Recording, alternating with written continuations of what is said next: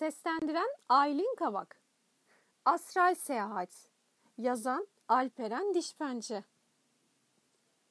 Okültizm ve teofizide astral seyahat uyku içerisinde fiziksel bedenden ayrılmaktır. Astral beden spiritüalizmde duble ya da unsur, süptil maddelerden oluştuğu söylenen beden ile fiziksel beden dışında yine bilincin yerinde olmasıyla birlikte ruhani haldeyken başka mekanlarda gezinebilmek ve dolaşabilmek üzere yapılan yolculuklara ve ruhani bedende geçirdiği deneyimleri fiziksel bedene geçişinde dışarı anlatan deneyime denir. Parapsikolojide bu beden dışı deneyim OBE, Out of Body Experience. Metapsişikte buna bilincin yansıtılması denir.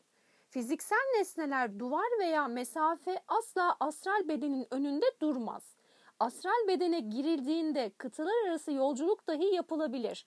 Ama öne sürülen bir tez daha vardır ki tez bile denemez. Çünkü öte alem denilen yerde varlıkların görünme ihtimali yüksektir.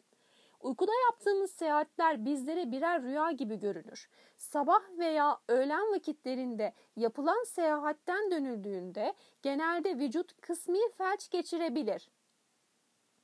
El ve ayak hissizleşmesi en net olgulardandır. Hissizleşmeden önce karıncılanma meydana gelir. Astral seyahat okült kaynaklarda iradi olarak bedenden ayrılma şeklinde tanımlanır. Lakin bizler fiziksel bedenden iki şekilde ayrılabiliriz. Bir, iradi ayrılma. iki egzomatik ayrılma. İradi ayrılma nasıl oluyor? Baştan beri tanımlı bir şekilde anlattım.